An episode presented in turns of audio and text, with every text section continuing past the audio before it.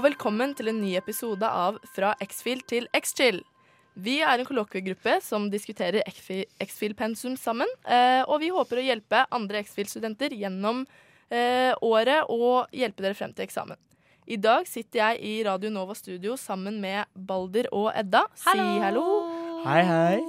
Vi er jo allerede på episode åtte, som eh, betyr at eksamen nærmer seg med stormskritt. Vi har faktisk bare to episoder igjen etter denne, så tiden har gått veldig fort. Absolutt. Eh, men vi har jo ganske mye å snakke om i dag, fordi eh, vi alle, egentlig unntatt Balder, har jo vært på studietur i Lisboa. Hatt det veldig fint. droppe en episode. Da måtte vi droppe en episode. Eh, men eh, ja, så det gjør jo at uh, podden i dag blir litt lenger. Vi skal snakke faktisk om hele tre temaer i dag. Som er eh, normativ etikk, en sammenligning og oversikt, feministisk etikk og relativisme. Ja. Og for de av dere som hører oss på radio, eh, så må dere altså inn på podkasten for å høre siste del. Yes, Ja. det stemmer. Eh, men før vi starter, så tenkte jeg å høre hvordan dere har det. Vil du starte, Edda? Ta en 10.010. Det kan jeg. Um, jeg har lykke på åtte, stress på seks, eh, kjærlighet på åtte. Men dere jeg har egentlig lyst til lyst til å ha en ny kategori der, og det er sinne. Ja. Hva? Kan vi ikke ha med Wow. sinne også? Jo. Jeg tror Hva egentlig ligger sinnet ditt på? ja, Jeg tror mitt sinne konstant ligger på sånn pluss eh, åtte, egentlig. Tror jeg rundt Det var sånn bra. aggresjon hele tida. Men det som har irritert meg nå for tida, det er det at uh, Jeg flytta jo fra Kristiansand til Oslo for, i august. Og da ser man jo for seg at man liksom skal komme til storbyen og mange nye folk. Og, altså, ikke sant? Men Oslo er jo kjempelite. Man ender jo opp med å bare møte de samme hele tida. Ja. Jeg var ute på fredag, og da um, var jeg, jeg var ute med kjæresten min. Og klarte å møte på to gutter som jeg har hatt en greie med. Å nei. Ja, det er, Å velkommen nei. til Ja, Ja, ja, ja, men sånn er det jo. Sånn er det. Ja, Men eh, altså, Oslo er jo stort hvis du greier å søke vekk fra de miljøene du vanligvis hører hjemme i. Ja. Men Ja. det er det at man går og sirkulerer i de samme miljøene hele tida, Ja, og så det er det møter er man de samme folka, Ja. og så Du må- møter du ekser, og, ja, og så blir det bare styr. Ja. Ja. Det er Men- kunst å leve i Oslo. Ja. Balder, hvordan har du det? Uh, oi. Uh, på Lykke, det er lykke ja, eh, så er det syv. Det har vært en skikkelig bra uke. Mye som har skjedd. Vi har hatt eh, vært mye bra diskusjoner og og det har vært klimastreik. Det var jo jævlig gøy å se. Og bare kjempegøy. ungdommer bare Fy Ja, faen, var helt ass. Ja, det, og det var så mye sinne der. Det, Ikke sant? Sinne er så bra! Ja, men av og til så er det litt digg, da, å, å Ja. se at uh, også de unge de som er yngre enn oss, er med på det her og bare Mm. skjønner hvor fucka det er. da At Ja. generasjonen over oss har fucka oss over. Mm. Og, må gjøre, og krever at de gjør noe med det. Og det, er- det er digg å se. Altså. Mm. Mm. Eh, på stress uh, er jeg på syv. Det er tre obligatoriske innleveringer neste uke. Ouch. Det er ikke noe digg, eh, spesielt eh, for eh, oss som ikke er så gode på å være på Blindern eh, til enhver tid. Men uh, også på kjærlighet. Jeg vet ikke, ass. Oi, Oi. ja, det, Den greier jeg faktisk ikke å plassere. Ja, jeg personlig er lykke på seks eller syv. Lisboa gjorde meg skikkelig godt, og det var skikkelig digg å være der. Eh, stress er på åtte. Jeg har så sykt mye å gjøre. Ja, masse obligatoriske greier. Jeg har eksamen om to uker, og jeg har egentlig ikke begynt å lese. What? Så det er veldig stress. Ja. Har dere eksamen nå? ja, i april. Så det er hjemmeeksamen, men fortsatt. Å Ja. nei, å nei. Så det er stress. Um, og kjærlighet er på fire. Og hva med sinne? Sinne, og det er faktisk veldig høyt hos meg òg. Jeg tror kanskje det er på sånn syv. Yes. Ja. En sinna gjeng. Ja. Yes. Men dere, skal vi begynne å ta for oss dagens temaer? La oss gjøre det. Ja. Og bare en liten ting før vi starter. Eh, sist episode så klarte vi å uttale et navn feil.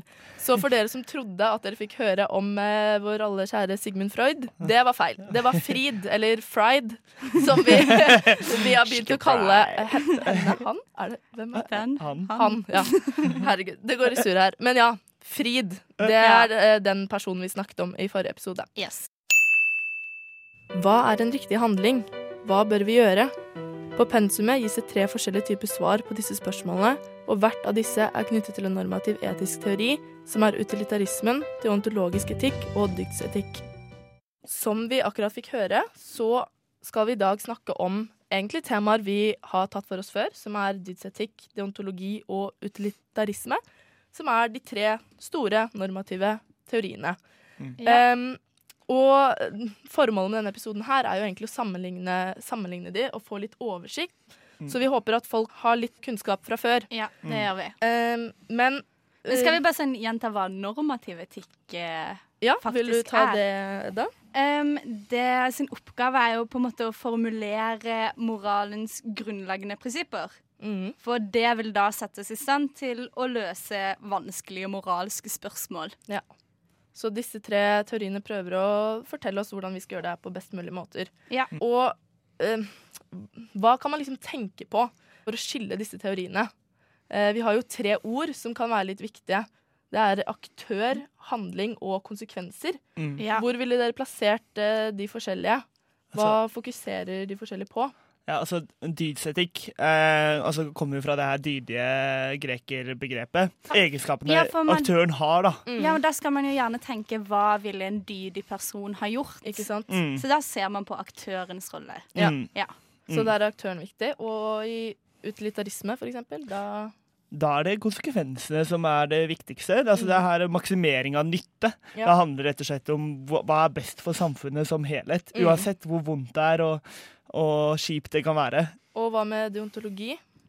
Der blir det jo um, handlinger. Mm. Ja, Da er det Der- handlingen som ja. settes i fokus. Der er det jo moralske plikter som man skal følge, da. Mm. Ja, og deontologi, eller deontologi sier for eksempel at, eh, at eh, ja, det er handlingens natur som står i fokus, og noen handlinger de kan ikke rettferdiggjøres uansett hva konsekvensene er. Eh, så handlingen i seg selv må være moralsk. Ja. Mm. Og dere, skal vi ikke bare ta et uh, eksempel her? Fordi For å virkelig forstå hvordan en etisk teori fungerer, så er det jo viktig å anvende den på forskjellige problemstillinger. Absolutt. Ja, Balder, hadde ikke du en eh, problemstilling du hadde lyst til å ta opp uh, i dag? Jo, uh, fordi i, i dag så hadde vi et artig tilfelle av at jeg kom for sent. Ja. Eh, og det er jo høyaktuelt, eh, og det skal man jo ikke gjøre.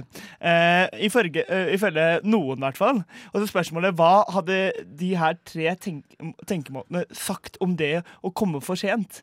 Ja. Og Ja, ja, okay. ikke sant? Fordi at det som, for å få med lytterne, da, så var casen at jeg trodde at vi skulle møte opp eh, halv seks. Det skulle vi ikke. Vi Vi skulle, møte opp klokka fem. Nemlig. Ja. Og, og det gjorde at jeg møtte litt før halv seks, og, og det er jo ganske uheldig når det venter andre personer på å starte. Ja. ja, men eh, da kan vi jo først tenke Skal vi starte f.eks. dydsetikk? Ja, Mhm. OK. En, hadde en dydig person kommet for sent? Nei. Nei. Hvorfor ikke? Um, eh, Fordi en dydig person ville Holdt det en hold, lover? ja, holdt det en lover, ja. men man kan jo Mhm. tenke på det. Du visste jo på en måte ikke at du kom for seint. Men Nei. kanskje en dydig person hadde dobbeltsjekka når man skulle møte opp. Mm. Ja. Alltid være, eh, viktig å være presis. ja. Ja, Ja. Så nå er du vente. lastefull, eh, Balder. ja du Ja. har lastebil. Ja, ja, men jeg er lastefull, ikke Ja. sant? Det er det som er, ja. Mm. Kan vi komme på andre laster som er inni det Mm, uansvarlighet. Ja, Ja. nettopp. Den er god. den Der er er vi oppe og nikker. Veldig uansvarlig. Ja, veldig uansvarlig. Ja. Bare bring it on. Eh, har, vi noen, har vi noen flere laster her? Eh, Er det ikke også urettferdig? Ja, Fordi ja, det er jo eh, urettferdig at vi må sitte sitte her og vente. nettopp. Mm. Ja, enig. Ja. Mm. men eh, hvis man ser på deontologien, da Mm. Ja. ehm, Jeg vil jo ikke si at handlinga til Baldur var gal. Nei, Kan man si. For han visste det jo ikke. Nei. Den hadde jo For det, fordi at fra, Ja. ja. for, for det er det jeg tenkte på på vei hit. At fra et sånn dentologisk standpunkt altså Da skjønner du at det er ødelagt av X-Fill-pensum når du sitter og tenker på det her på T-banen. Eh, men, men, men, eh, men eh, po- eh, poenget er at eh, fra, fra et sånt perspektiv så er det jo ikke eh, Det er jo ikke ideelt, men det er heller ikke ulovlig. Nei. Og, og det vil ikke være altså det er jo en, må være lovlig å komme for sent og ikke dobbeltsjekke og være Ja, det, og det er jo en Pliktoppfyllende ungdom. er vi på deontologi nå? Ja. Men ville ikke egentlig en deontolog sagt at handlingen er gal i seg selv? Men det å komme for seint er jo galt i seg selv, men det er jo konsekvensen. Det er jo ikke Ja. handlinga. Ja, okay. Ja. Så handlinga til Balder var at, å komme på tide. Eller Ja, og prøve Det var i hvert fall det han ja, prøvde. Nettopp.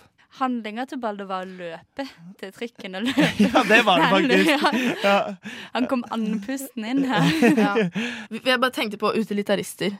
Ja, De ville jo sagt at De eh, ville sagt dette at er ikke nyttemaksimerende, Ja, ikke sant? Det, Det er- ikke rikt- det er ikke riktig. og Uansett det, og- hvilken grunn du hadde hatt, Ja. Nei. Så hadde ikke det Ved Jo, mindre det nei, hadde vært hvis, at du hvis jeg løste gåten på hvordan vi skal kurere kreft, for Ja, eksempel, men- på den halvtimen, så Det hadde det vært ikke. nyttemaksimerende. Hva vet du om mitt liv? Hvem er du til å komme her og dømme meg? Nei, eh, det kan jeg, jeg kan avsløre at det gjorde jeg ikke. Nei. Nei. Så utilitaristene ville sagt at denne handlingen er at du kom for sent, det er galt. Ja. En deontolog ville sagt at det er egentlig greit. Kanskje ikke Eller, eller liksom, Jo, det er ikke, Eller det er det er greit. ikke Ja, galt, i hvert fall. Det er ikke galt. Ja. Mens Ja. en uh, dydsetiker ville sagt at uh, dette er galt, det er Ja, dette er- lastefullt. dette og- er lastefullt. Ja. Har vi noen andre morsomme Vi hadde eksempler? jo eh, Vi snakka jo om Farmen-kjendis i episoden om den var eh, utilitarismen. Ja. Um, så vi kan jo kanskje gå tilbake til det problemet der, da. ja. Der var det jo det at eh, mat hadde forsvunnet på gården. Mm. Og så um, velger storbonden å legge skylda på Charter-Svein Ja. for å finne en syndebukk. Og det gjorde alle på gården glade, og alt ble bra igjen. Mm. Så dette var jo en bra ting å gjøre, ifølge utilitarismen. Ja. Men, hvis man ser på de andre En deontolog ville vel sagt at det er helt galt. Fordi de Mm. sier f.eks. at man ikke skal bruke et menneske som middel. Ja. Og her bruker du et menneske som middel for å på en måte oppnå et eller annet bra. Mm. mm, Så en deontolog ville sagt nei. Ja, Og- fordi det går imot sånne moralske plikter og moralske regler, på Ja, en måte. ja. Man skal ikke legge skylda på noen som ikke har Ja. skyld. Ja, ikke sant? Handlingen er gal i seg selv. Ja. Ja. Mm. Og så en dydsetiker vil si at det her vil være en lastfull Mm. handling. Mm. mm. For det er urettferdig mot Charter-Svein, Ja. som eh, ja, må dra hjem og pakke sakene Mm. bare fordi at han ble pekt på. Ja. Yes. Trist. Trist. Ja. ja, og det er jo også, det er også veldig mange andre egentlig ganske mors morsomme, morsomme, men det er noen spennende etiske dilemmaer eh, man kan tenke seg. Vi rekker jo ikke å ta for oss alt her i dag, men eh, jeg har en liten liste her eh, som eh, jeg tenkte å fortelle til dere. Og det er f.eks. å lyve for SS-mannen i døra. Å drepe en person for å redde flere. Aktiv eller passiv dødshjelp. Å la være å fortelle sannheten. Eh, å spise kjøtt. Eller å ta vare på moren min mens, eh, nei, i stedet for å ta utdanning. Alle disse her eh, problemstillingene kan jo dere der hjemme gå og tenke over og prøve å plassere Mm. uh, de ulike normative teoriene inn i. Det er en veldig fin Og- oppgave for å bare få liksom kontroll på hva de forskjellige faktisk betyr. da. Ja, og samfunnet vårt er jo nå liksom veldig sånn dentologisk. Eh, men det er interessant hvis du stiller det sånne ekstreme spørsmåler som for eksempel OK, du har, eh, jorda har gått til helvete, klimakrisen har tatt oss. Vi har én mulighet til å redde menneskearten, og det er å sende to mennesker herifra. Men det betyr at resten At vi må drepe alle andre. Er det greit, eller er det ikke? Og da kan du liksom la det surre og gå. Og da er det ikke så mange som er dentologer lenger, eh, er ofte, Nei. erfaringsmessig. Nei, Nei. det er rart med det. Det er det. Rart med det. Men dere, syns dere at vi har fått eh, en grei sånn sammenligning nå? Litt overblikk? Eller har dere noe mer dere vil eh, legge til? Jeg syns vi har fin klart det fint. Ja. ja. Mm. Da kan vi gå over til neste tema, som er feministisk etikk. Marilyn Friedman, født i 1945, skrev artikkelen 'Feminisme i etikken' i år 2000. Målsetningen hennes var å få slutt på undertrykkelse av kvinner. Det sentrale argumentet hennes er at tradisjonell etikk ikke bør forkastes, selv om den har mangel, og moralsk autonomi må få en plass også i feministisk etikk. Ja, der fikk vi hørt litt om Marilyn Friedman, som skrev artikkelen 'Feminisme i etikken'. Eh, og ja, som sagt så Friedman ville jo at eh, autonomi skulle ha en relevans eh, for en rekke temaer eh, som har stor betydning for kvinner. Eh, og da tenker jeg kanskje vi skal bare ta for oss det eh, autonomibegrepet, for dette er jo egentlig et begrep som Kant eh, begynte å snakke om. Det er jo egentlig Kant som blir kritisert av mange feminister. Mm. Eh, så hva var det egentlig Kant sa om autonomi? Um, det at individet ikke er styrt av noe annet enn seg selv og sin Mm. egen fornuft. Mm. Og det er det som gjør vedkommende eh, moralsk kompetent. Ja. Mm. Eh, Ja. Skal vi bare dykke litt inn i hva autonomi betyr? Hva, Ja. hva betyr? Det består av to ord, og det kommer fra auto, som Mm. betyr selv, og nomos, som betyr lov. Altså sånn selvlov betyr det egentlig. Ja. At du er det selv som bestemmer eh, hva du har lov til å gjøre, eller hva du skal gjøre, osv. Mm. At man er fri, ja, rett og slett er fri til å bestemme over seg selv. Ja. Ja. Og ja, Kant han sa jo det at eh, en handling er moralsk kun om den er autonom, og at handlinger eh, må eh, være drevet av fornuft da, for å være moralsk riktige. Mm. Og det er jo her eh, Kant skiller Det snakket vi om i en episode tidligere. Kant sitt kvinnesyn, hvordan han skiller kvinner og menn. Han mener jo f.eks. at kvinner bare er følelsesvesener, og menn er fornuftvesener. mm. Så eh, Kant vil vel egentlig si da at eh, kvinner ikke kan være autonome. Ja. Fordi at vi er styrt av følelser. Ja, og han ser jo også på det enkelte individet veldig sånn isolasjon eh, fra andre mennesker. Så han mener at det er liksom ubetydelig om man har barn, familie, eh, søsken, alt det her. Ja, for det er jo her med kritikken kommer inn, da. Mm. eh, Fra feministisk etikk. Ja. Altså Mm. var det jo hun Carol Gilligan. Ja. som da annonserte det begrepet med omsorgsetikk. Ja, Mm. nemlig. som tar utgangspunktet i menneskers omsorg for hverandre. Ja. Ja, fordi hun eh, Hun mente jo egentlig det at eh, At eh, kvinner hadde et Hva var det hun sa? Et bedre eh, en, et bedre, en bedre måte enn menn å forstå eh, medmenneskelige forhold og relasjoner på. Fordi hun Ja. gjorde jo eksperimenter fordi hun ville finne ut om finnes det forskjeller mellom hvordan kvinner og menn løser moralske utfordringer. Og hun kom Mm. frem til at ja, det gjør det.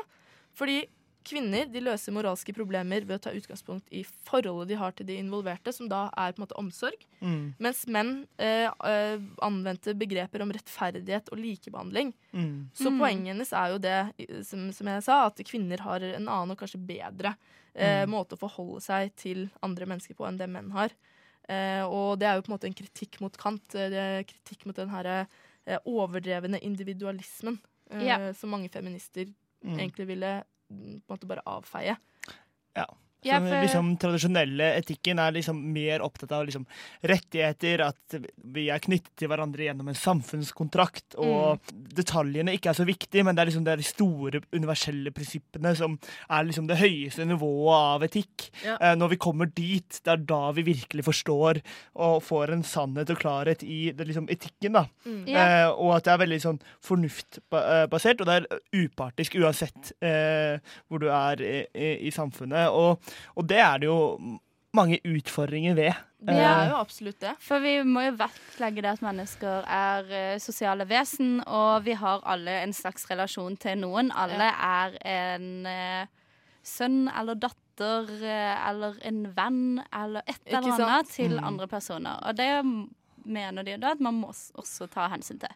Ja, og hvis du, hvis du Når du først gjør det her, altså når du skal dra det opp til universelle prinsipper, da, så kan det veldig fort dra vekk liksom faktiske kompleksiteten i situasjonene. At det her strekker seg over tid, at det her har mange ulike relasjoner og mange detaljer som faktisk har mye å si da, Mm. eh, for hva, hva som egentlig er riktig å gjøre i ulike eh, eksempler. Eh, det er jo Heinz-eksempelet som, er som kommer opp her. Ja, det er brukt mye. Ja, Mm. kan ikke dere snakke litt om det? Ja, Greia er at det er eh, noen som har en kjøpmann, eller en forsker, som har utviklet en medisin. Eh, vi får oppgitt at den medisinen eh, bruker han 400 dollar på å lage, og så selger han den for eh, 4000 dollar. Men eh, og så kommer en eh, mann inn og skal kjøpe denne medisinen til sin døende kone. Men han har ikke disse pengene. Han, og så prøver han å gjøre alt han kan for å skrape sammen, og han greier å skrape sammen fra familier og venner osv. 2000 dollar. Så bare halvparten av det som egentlig er krevd, men fem ganger så mye som er brukt for å lage denne da, medisinen. da. Og så er spørsmålet hva skal han gjøre? Mm. Ja.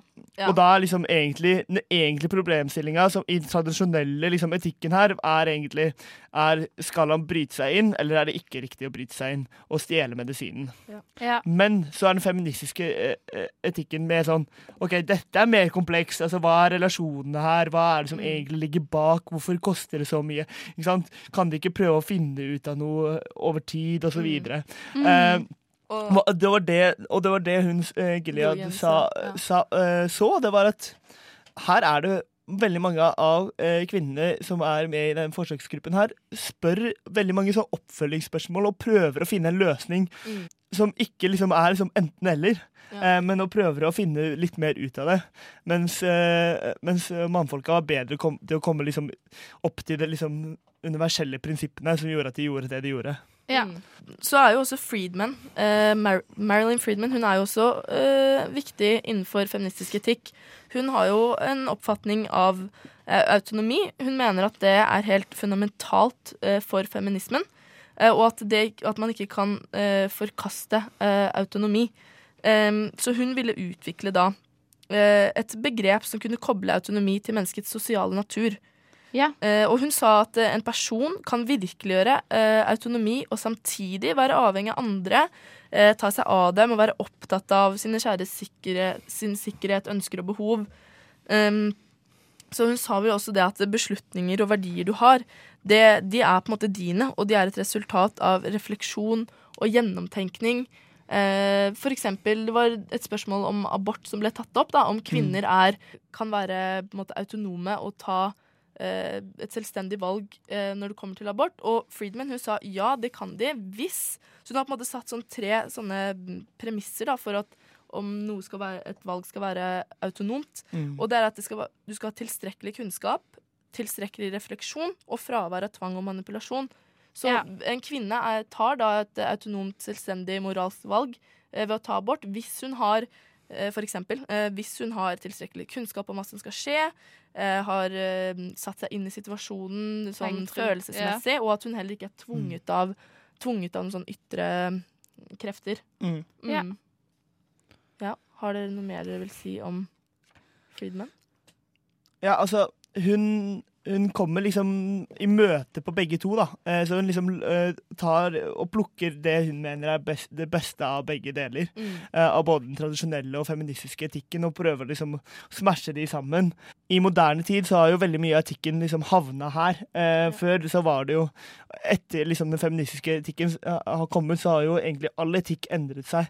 Eh, og alle er jo egentlig opptatt av liksom hva er e- reell frihet? Er liksom et veldig stort spørsmål i dag, og dagens etikk. da. Altså, Ja. hvordan, hvordan reklame fungerer. Altså, reklame er jo en av de tingene det forskes mest på i verden, og det fungerer jo.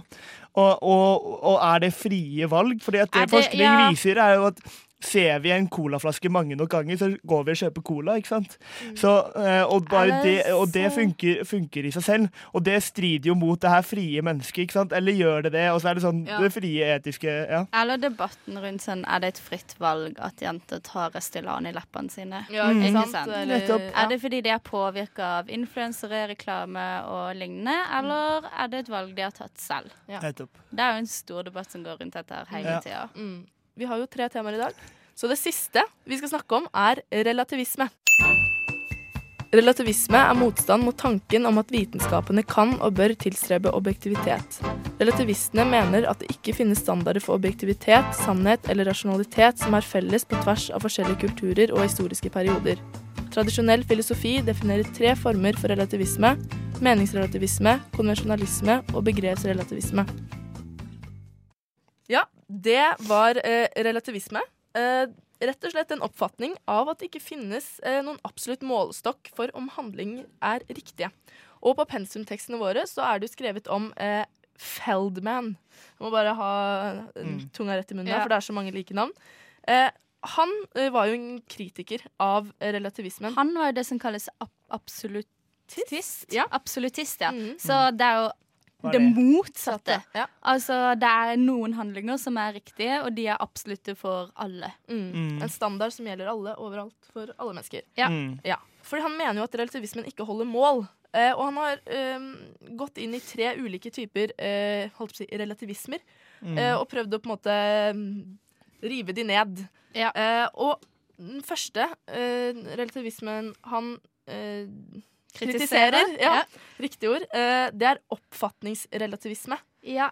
Um, og det handler om at det, det finnes handlinger som oppfattes som riktig av noen personer, og som gal av andre. Mm. Og den kan jo også deles i to, som er den personlige oppfatningsrelativismen, som er det Edda nå sa. Ja. Og så er det også sosial oppfatningsrelativisme, som handler om um, at det finnes handlinger som blir oppfattet uh, som riktig av et samfunn, men galt av et annet.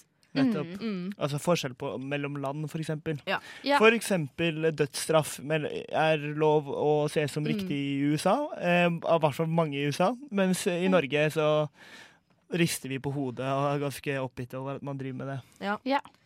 Ja, og ja, hva er det han egentlig eh, kritiserer her? Hva er det han mener ikke holder mål? Altså, altså Han sier jo- på en måte at alle sier, At det er sant, det relativismen sier, men eh, ja, for det viser jo bare en slags fakta. Det Ja, er jo det er fakta, fakta, at noen mennesker mener at noe er riktig, og noe Mm. annet er galt. Men det styrker jo ikke relativismen noe mer enn at det er på en måte bare en, si, en sannhet som eh, alle kan si seg enig i. Mm. Um, og, men den strider jo ikke mot uh, absolutismen heller, og det er jo eh, han prøver, Det er jo det han prøver med det her. Å finne et eller annet som kan stride imot absolutismen. Mm. Uh, så siden verken den personlige eller den sosiale oppfatningsrelativismen uh, strider imot den her absolutismen, så forsøker da eh, Feldman å, å formulere en ny versjon av relativismen som faktisk står i et motsetningsforhold, som er konvensjonalisme. Men det står jo ikke i et motsetningsforhold, det heller. Mm. Konvensjonalisme vil si at en handling er moralsk rett eh, hvis og bare hvis den er tillatt av konvensjonene i et samfunn. Da kommer jo Feldman med eh, egentlig ganske mange innvendinger. Han mener jo at det eller Hans første kritikk eh, av eh, konvensjonalisme er at det, det er veldig vanskelig å avgrense et samfunn, fordi det er uklart hvem sine konvensjoner man egentlig skal legge til grunn. Mm. Ja, og Eh, det finnes jo flere Altså, Norge kan være et samfunn, um, men man kan være del av et annet samfunn igjen, Mm. innad i et land. Mm. Um, en by kan være et samfunn, en skole kan være et samfunn. Det er jo Ja, det kan Det går Mm. ikke an å på en måte begrense sant? Så det. hvilket samfunn eh, sier egentlig hva som er riktig, ikke sant? Og Uh, han sier også at det er dessuten veldig vanskelig å definere nøyaktig hvilke konvensjoner som gjelder, selv om samfunnet er eh, avgrenset helt perfekt. Mm. Ja, det er jo sånn eh, med, med flerkoneri, da. I eh, USA så er det vel kanskje generelt en slags konvensjon som sier at det ikke er greit. Mm. Men så har man jo mormoner innad i USA, Mm. hvor eh, det er helt greit. Ja. Så hvem er det da man egentlig skal følge? Ja, ikke sant? Wow. Og, og han sier også det at konvensjonalismen den tar fra oss da muligheten til å sammenligne ulike samfunn, siden eh, ethvert samfunn alltid har rett. Fordi det er jo det eh, relativismen sier, at eh, det finnes ikke noen målestokk for hva som er riktig. eh, Alt er riktig og galt. Mm. ikke sant? Mm. Så hvis man har det utgangspunktet her, så har man jo ikke mulighet til å sammenligne vil, hva som er rett eller galt. du vil altså. aldri komme til en sannhet. du vil aldri komme Nei. til sannhet. Og da vil det jo kanskje heller aldri skje noe forskjell heller, da. Nei. Um, fordi alt sammen blir rett, og da vil det jo bare fortsette sånn som det alltid er. Ja. Mm.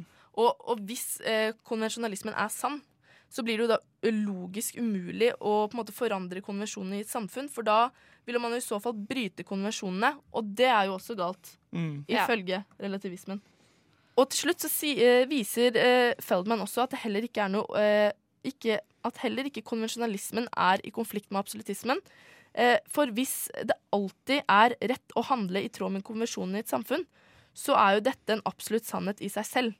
Mm. Ja. Ikke sant? Og da, da, jo, da blir det jo er det jo helt motsigende. Ja. Det er jo én eh, til eh, relativisme, som kalles begrepsrelativismen, som faktisk strider imot absolutismen. OK, men denne her skjønte ikke jeg.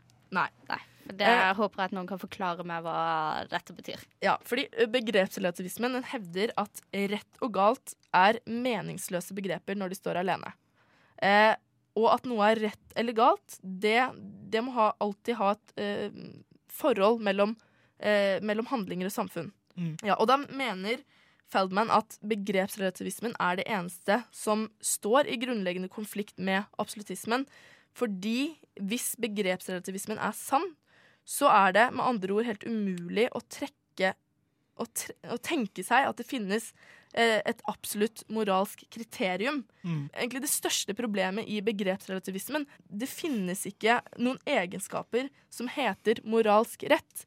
Fordi sant, Hvis man tenker seg hva øh, relativismen er, det er jo ingenting som er rett eller galt. Det, noe er rett for noen, noe er Mm. rett for noen andre. Det er ikke noe ifølge øh, relativismen som sier hva som er rett eller galt. Så derfor mener han at heller ikke denne relativismen holder mål, selv om den går imot absolutismen.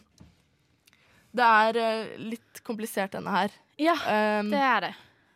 Men altså, det vi kan kon konstatere her, er jo på en måte at uansett så blir det vanskelig å definere noe som er eh, absolutt, da. Eh, Mens noen, noen prøver jo å, å si at noe er absolutt. Altså det er galt å drepe, eksempel.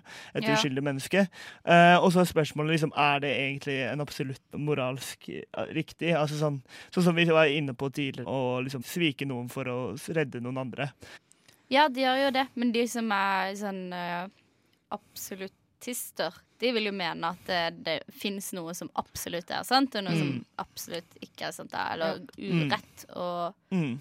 ikke rett. Ja. Men så er jo det relativismen ikke mener. Mm. Ja, relativismen sier for eksempel at for noen er det rett å spise kjøtt, for andre er det galt. ikke sant? Ja. Sånne ting.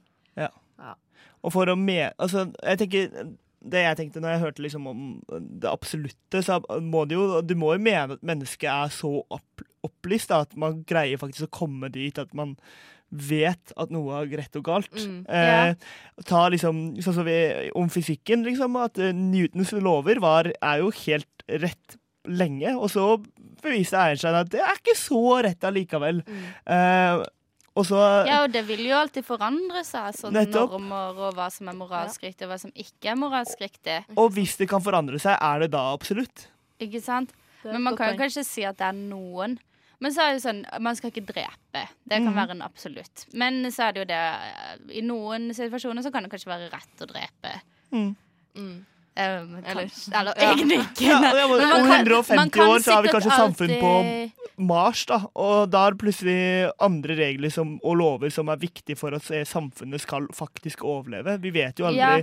Og da vil det absolutte være utfordret hele tida, da. Ja, for det, det, det absolutte vil jo alltid kunne være utfordret Man vil alltid kunne finne en menn eller i denne situasjonen. Ja, da har vi jo egentlig kommet oss gjennom uh, alle temaene. Ja. Episoden har jo blitt litt lengre i dag, men det syns jeg egentlig har gått veldig greit. Ja.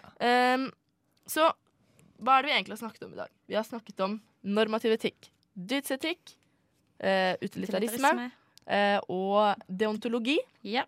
Uh, utilitarismen, utilitaristene som fokuserer på konsekvenser. Deontologene som fokuserer på eh, handlingen. Og eh, dydsetikerne som er opptatt av aktørene. Mm. Så har vi snakket om eh, feministisk etikk, eh, Mm. Kants autonomibegrep, Gilligan, eh, Friedman ja. og deres innvendinger mot Kant. Mm. Og så på slutten her prøvde vi å snakke om relativisme, som var litt vi. eh, When you try your best but you don't succeed. Vi snakket om relativisme, som var eh, kanskje litt komplisert.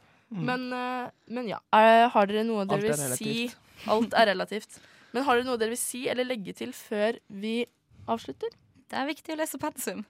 Og neste gang Nei? Jo, Jo. neste gang er det Singer, og det irriterer meg litt. Fordi at, uh, at det er forelesning om det neste uke, og det skjer nå. Fordi at nå sitter det alle som er på 200-fag, sitter nå og driver og skriver den eksamensdelen om Singer og om abort. Er du på 200? Ja, Ja, og det ja. irriterer meg noe jævlig. Ja, hvorfor gjør de det, egentlig? Ja, hvorfor- hvorfor er skal man sitte og skrive oppgaver når man ikke har lært ennå? Det er jo bare kjipt gjort. Ja. Ja. Er du ferdig da, Balder?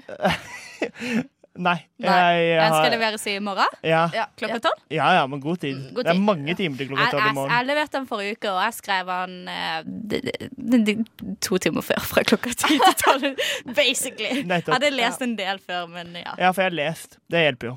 Ja, men jeg, selv om man har lest, så føler jeg ikke egentlig at det hjelper eh, veldig mye. Du skal ha, eller i hvert fall den oppgaven om Singer. Eh, vet ikke om vi har akkurat samme oppgave. Men du skal Ja. jo trekke inn så veldig mye eget, og det var jo også veldig, ja, viktig, liker ikke. eh, veldig viktig å ikke bare eh, gjenfortelle hva Singer har sagt. Ja. Det er stryk, folkens. så ble du stressa nå, Balder? Nei, jeg ble egentlig ikke det. For jeg, vet, jeg vet det. Men, eh, Ja. Men, men det, er jo, det er jo på en måte Ja, vi får se. ja, men, men neste uke, det blir spennende. Det Ja. blir spennende temaer om dyr og abort. Ja. Eh, Gleder oss til det. ja, Ja, det gjør vi. gøy. Yes. Så da håper vi at eh, dere der hjemme har blitt litt mer X-chill. Eh, så ses vi neste uke. Ha det bra! Hei.